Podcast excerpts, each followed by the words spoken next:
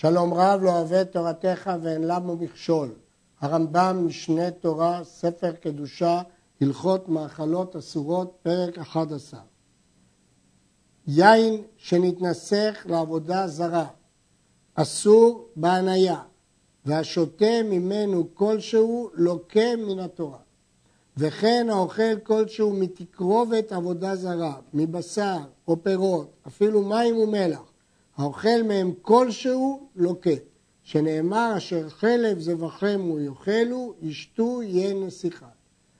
יש איסור לאכול תקרובת, דהיינו אוכל שמגישים לעבודה זרה, אפילו מים ומלח, ומי שאוכל לוקה, וגם יין שמנסחים לעבודה זרה, אסור באכילה, כי מזיגת היין לכבוד עבודה זרה זה חלק מעבודה זרה, ומי ששותה כלשהו לוקה מן התורה. נשים לב שאין לזה שיעור, כפי שמסביר הרמב"ם, יין שנתנסך לה כזבח שקרב לה, וכיוון שאיסור זה משום עבודה זרה הוא, אין לו שיעור. שנאמר בעבודה זרה ולא ידבק בידך מאומה מן אחר. למרות שבדרך כלל שיעורי אכילה בכזית ושיעורי שתייה בקרבית, פה אין שיעור, כי זה עבודה זרה, ועבודה זרה מאומה מן אחר. כלשהו חייבים. הרמב"ן בהשגותיו לספר המצוות כותב, אנוכי לא ידעתי מקום המלכות הזה, ולא ראיתי ועדנה בגמרא בבלי או ירושלים. מה מקור המלכות של יין נסך? איפה יש לאו? כותב הרמב"ם, ייתכן שילקה מזה שכתוב פן תכרות ברית ליושב הארץ וכולי וקרא לך ואכלת מזבחו, כיוון שכתוב פן זה לשון של לאו. אבל הרמב"ם בעצמו אמר את הפסוק בסוף ההלכה, אשר חלב זבחם לא יאכלו, ישתו יהיה נסיכה. אבל איפה כתוב שם לאו?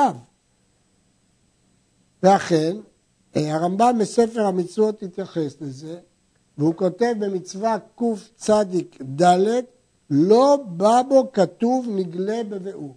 הרמב"ם מודה שאין פסוק מפורש ללאו של יין נסק. אבל אמרו, אשר חלב זבחם או יאכל או ישתו זכרה, מה זבח אסור אף יין אסור. מכאן למד הרמב"ם שלוקים עליו, למרות שאין פסוק מפורש. ג. ין הגויים, שאין לנו יודעים אם נתנסח או לא נתנסח. שים לב, מדובר פה בסוג שני, זה יין של גויים, אבל אנחנו לא יודעים אם הוא כן ניסח אותו לעזרה או לא ניסח אותו, הוא הנקרא סתם ינם, זה סתם ינם. אסור בהניה כיין שנתנסך, ודבר זה מגזירת סופרים הוא. מן התורה הוא לא אסור, כי הוא לא, לא יודעים שהוא יתנסך. מדברי סופרים אסור גם על סתם ינם, אבל רק על רביעית. והשותה מסתם ינם רביעית, מקין אותו מכת מרדות. א', לא חייב מלכות דאורייתא, זה לא מהתורה. ב', זה לא בכל שהוא כמו ביין נסך, אלא ברביעית. וזה נקרא סתם ינם. ד', זה סוג שלישי. וכל יין שיגע בו הגוי. עכשיו מדברים על יין של יהודי, לא על יין של גוי. שגוי נגע בו, הרי זה אסור. שמא ניסח אותו. שמחשב את הגוי לעבודה זרה, אפילו שיין של ישראל. הלמדת שיין ישראל שנגע בו הגוי, דינו כסתם ינם, שהוא אסור בהניה. אלה שלושת הסוגים. יין נסך, סתם ינם, וגוי שנגע ביין שביד ישראל. עכשיו נשים לב, על הסוג השלישי כתב הרמב"ם שסיבת האיסור שמא ניסח אותו. לכן יין שהוא נגע בו, יין של ישראל, שמא ניסח אותו. אבל על סתם ינם, יין שביד הגוי ולא יודעים אם יתנסח או לא, הרמב"ם לא כתב את הטעם. אומר הכסף משנה, בגמרא מבואר הטעם בשום חתנות, שלא יבוא להתחתן בה. ואז יוצא שיש שלושה דינים. הדין שהנסח עצמו זה בדין תקרובת עבודה זרה. הדין שסתם ינם זה גזרה משום חתנות, שמא יתחתן בה. הדין השלישי, יין של יהודי, פה לא שייך גזרה משום חתנות. פה אם הוא נגע, אז חוששים שהוא ניסח. אלה שלושת ההלכות. גוי,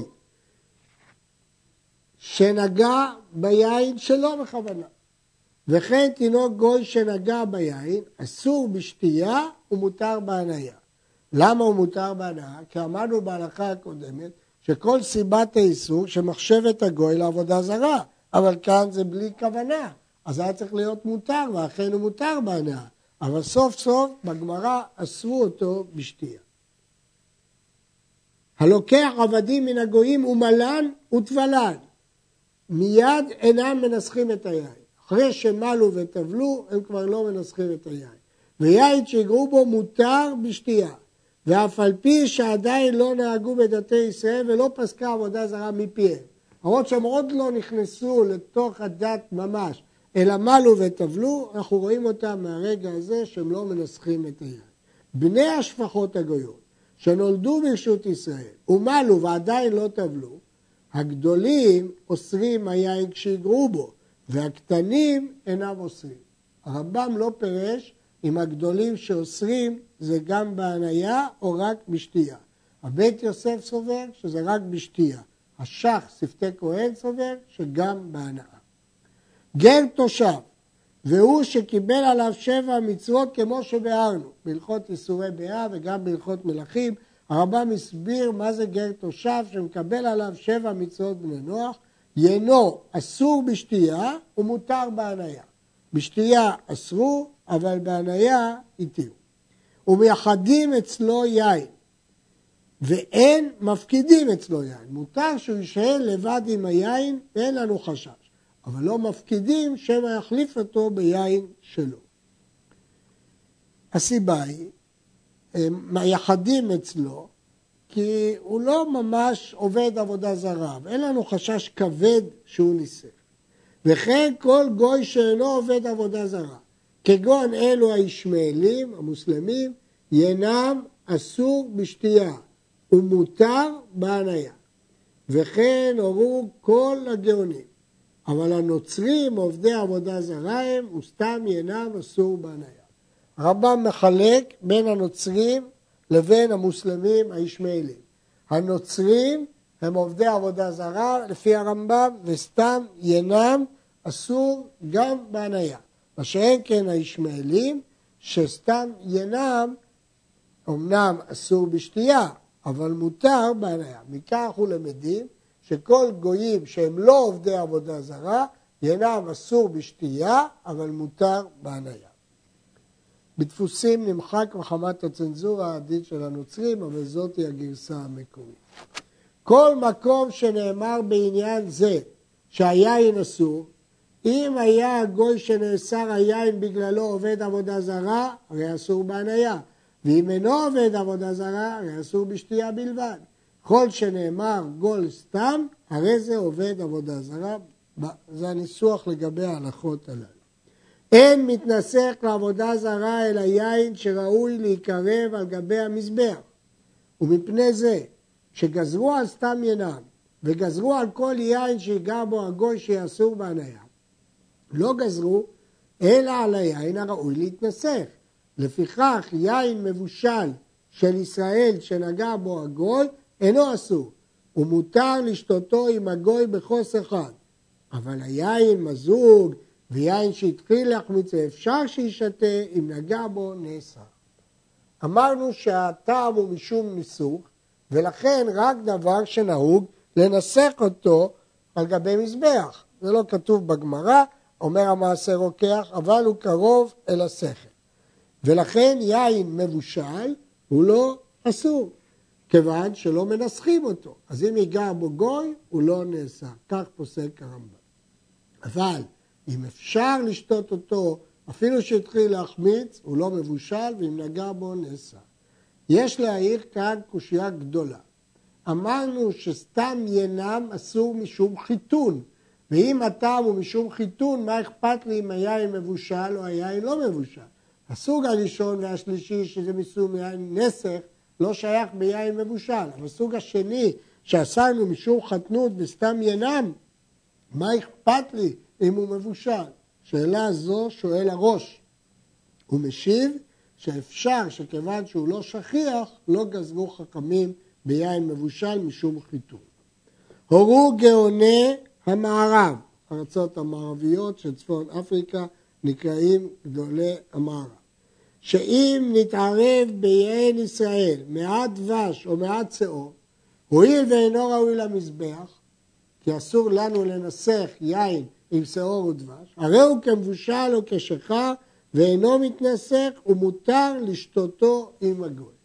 כך הורו גאוני המערב, הרמב"ם בתשובה הוסיף שגם גדולי ספרד וביניהם אחד מרבותיו, ארי אבן מיגש, נהגו כן. אבל ראשונים אחרים חלקו על זה, הרמב"ן, הראש, הרשב"א והר"ן.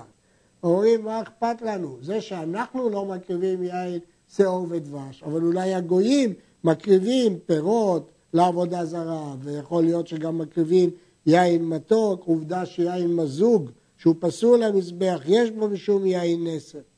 ואכן, השאלה הזאת היא במחלוקת ראשונים, ורבים לא הסכימו עם הוראת הגאונים שהרמב"ם מביא כאן. ממתי ייאסר יין הגויים? ממתי קוראים לו יין? ממתי, אחרי שסחטו ענבים, באיזה שלב הוא נקרא יין?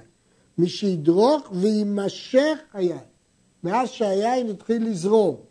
אף על פי שלא ירד לבור עדיין הוא בגד. הרי זה אסור. היה נהוג שדורכים ענבים בגת, ואחר כך הזגים והחרצנים נשארים בגת, והיין זורם לבור, דרך תעלה.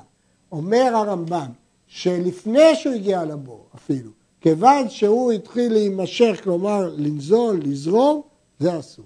לפיכך, אין דורכים עם הנוכרי בגת, שמא ייגע בידו וינסר, כי אמרנו שכבר בגת, כשהיין מתחיל לזרום, הוא נאסר, עוד לפני שיורד לבור.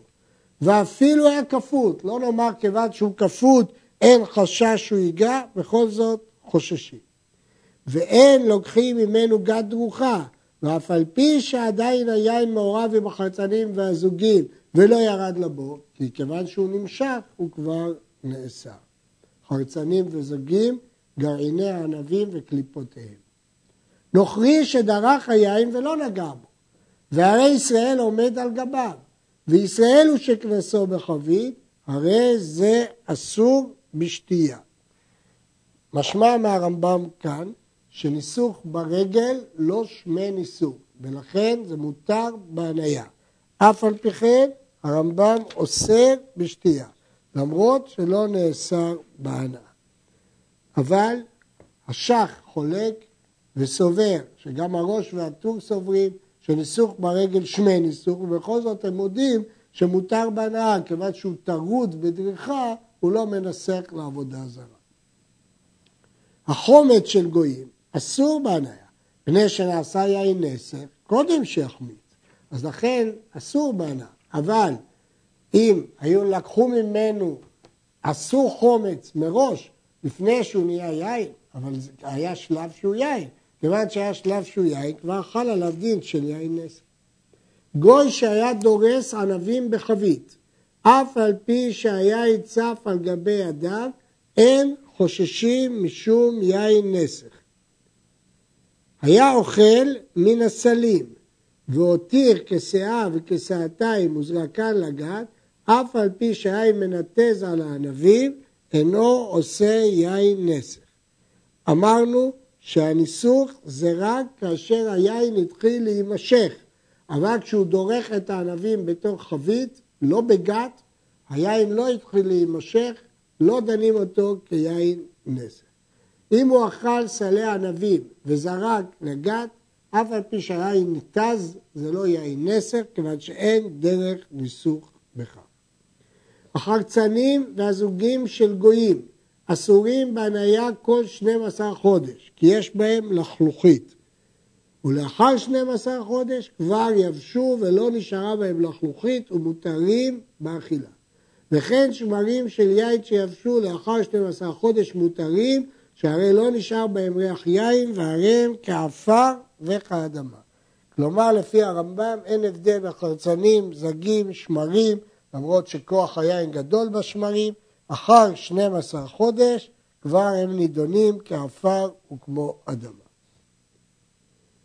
נודות הגויים וקנקניהם שהכניסו בהם הגויים ינם.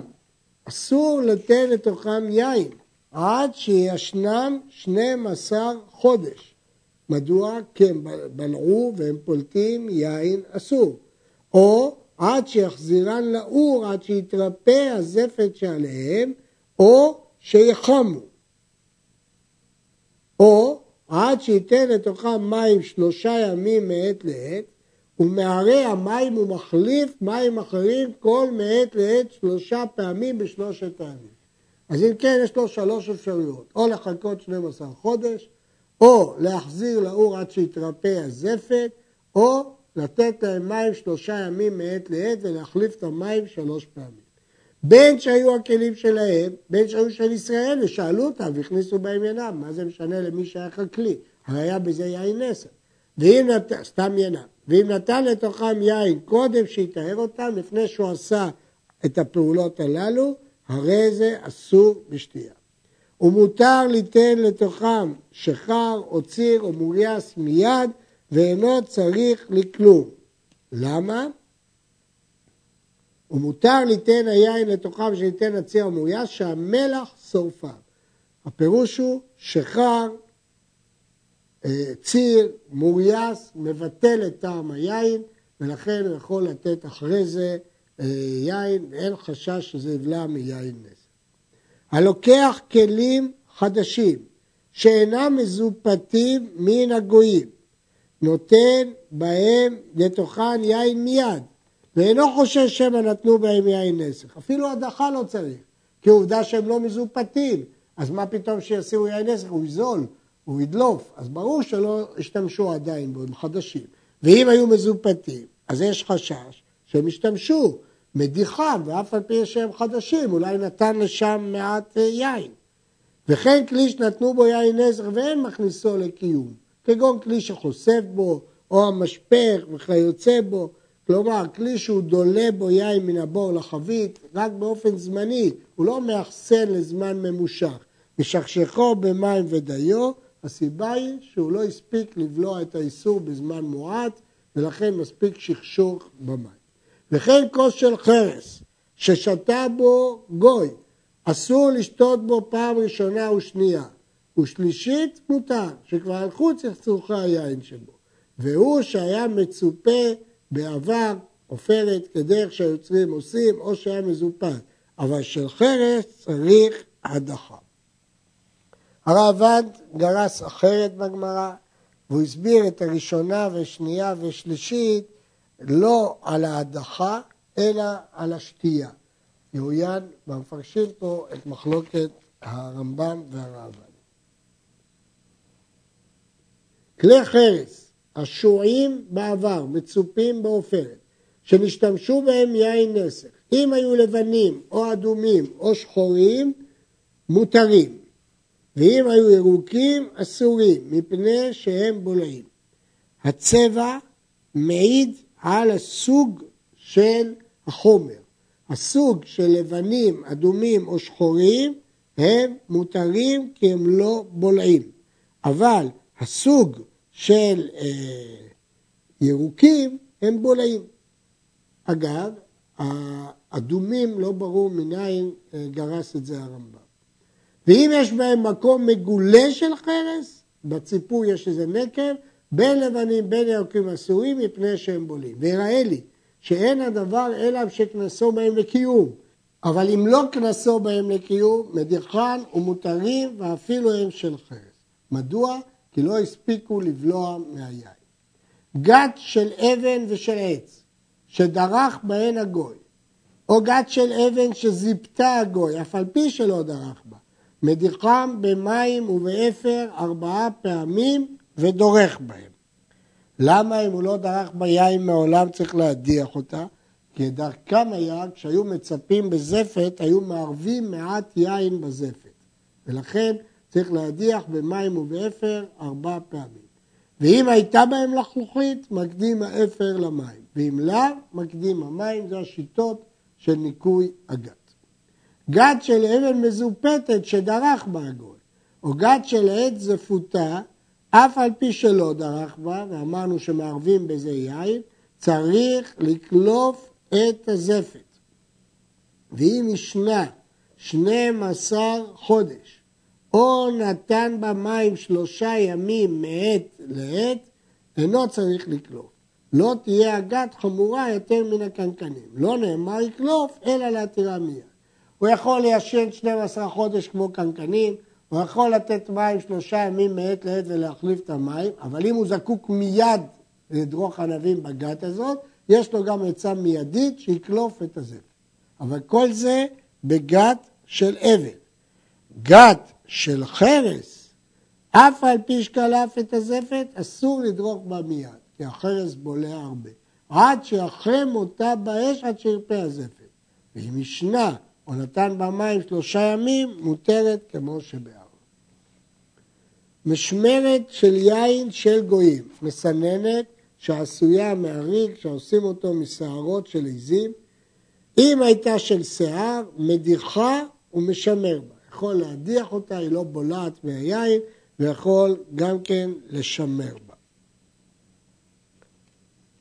אם הייתה של צמר, אבל אם היא לא שיער של צמר, כשהיא בולעת, מדיחה במים ובאפר ארבעה פעמים, ומניחה עד שתנגב ומשמר בה. ואם הייתה של שש, שנים עשר חודש. שש זה פשתן, ואם יש בה קשרים, מתירה. כלי וכן כלי חלף ועוצים וכיוצא בהם, צמחים שטבעו מהסיבים שלהם חוטים ועשו חבלים, עלי דקל וכל מיני סלים שדורכים בהם היין, אם היו תפורים בחבלים, מדיחן. ואם היו אחוזות זו בזו וסיבוך קשה, כלומר הם בלעו בצורה רצינית, מדיחם באפר ובמים ארבעה פעמים ומנגבם ומשתמש בהם. ואם היו תפורות בפשתן, מיישנם 12 חודש. ויש בהם קשרים, מתירה. כלי הגת שדרך בהם הנוכרי יין נסך, כיצד מטהרין אותם כדי שידרוך בהם הישראלי. עכשיו לא מדברים על הגת, אלא על הכלים של הגת.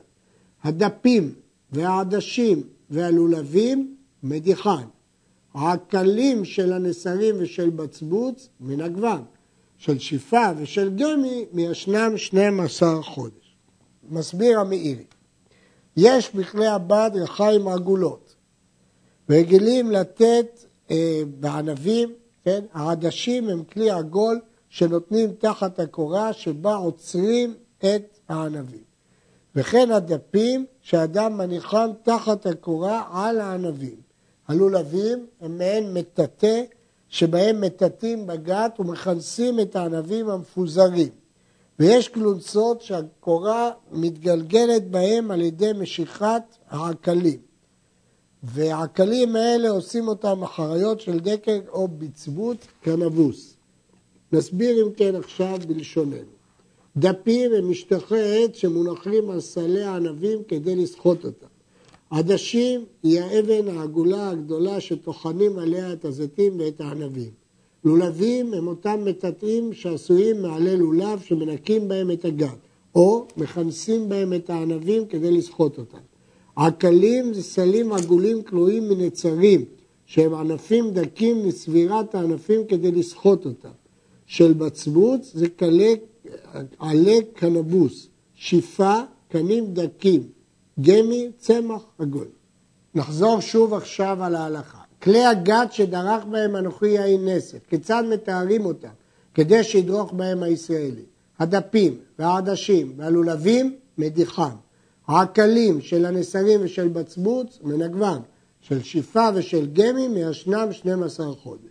ואם רצה לטהרם מיד, מגעילם ברותחים, אוכלתם במזיתים, או מניחם תחת צינור שממיו מקלחים, או במעיין שבמיו רודפים 12 שעות ואחר כך יותרו. רודפים, זורמים. נשים את זה שם 12 שעות ואז יותרו. בזמן שהייתה ארץ ישראל כולה לישראל, היו לוקחים היין מכל אדם מישראל והם חוששים לו, כי לא מכרו בשוק דברים שאינם כשרים. ובחוץ על הארץ לא היו לוקחים היין מכל אדם מישראל, אלא מאדם שהוחזק בחשבות. ובזמן הזה אין לוקחים יין בכל מקום, גם בארץ ישראל, אלא מאדם שהוחזק בכשרות. וכן, הבשר והגבינה וחתיכת הדג שאין בה סימן כמו שבהרנו, אפשר לקחת רק מאדם שמוחזק בכשרות.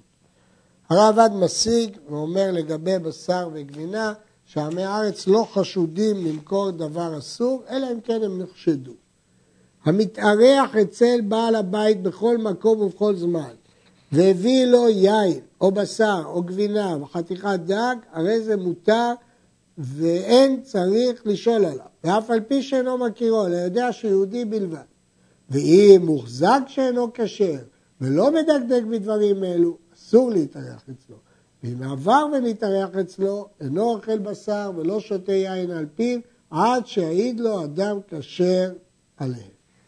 סתם ישראל מוחזקים בכשרות, אלא אם כן נודע לנו שהם לא מדקדקים בדברים הללו.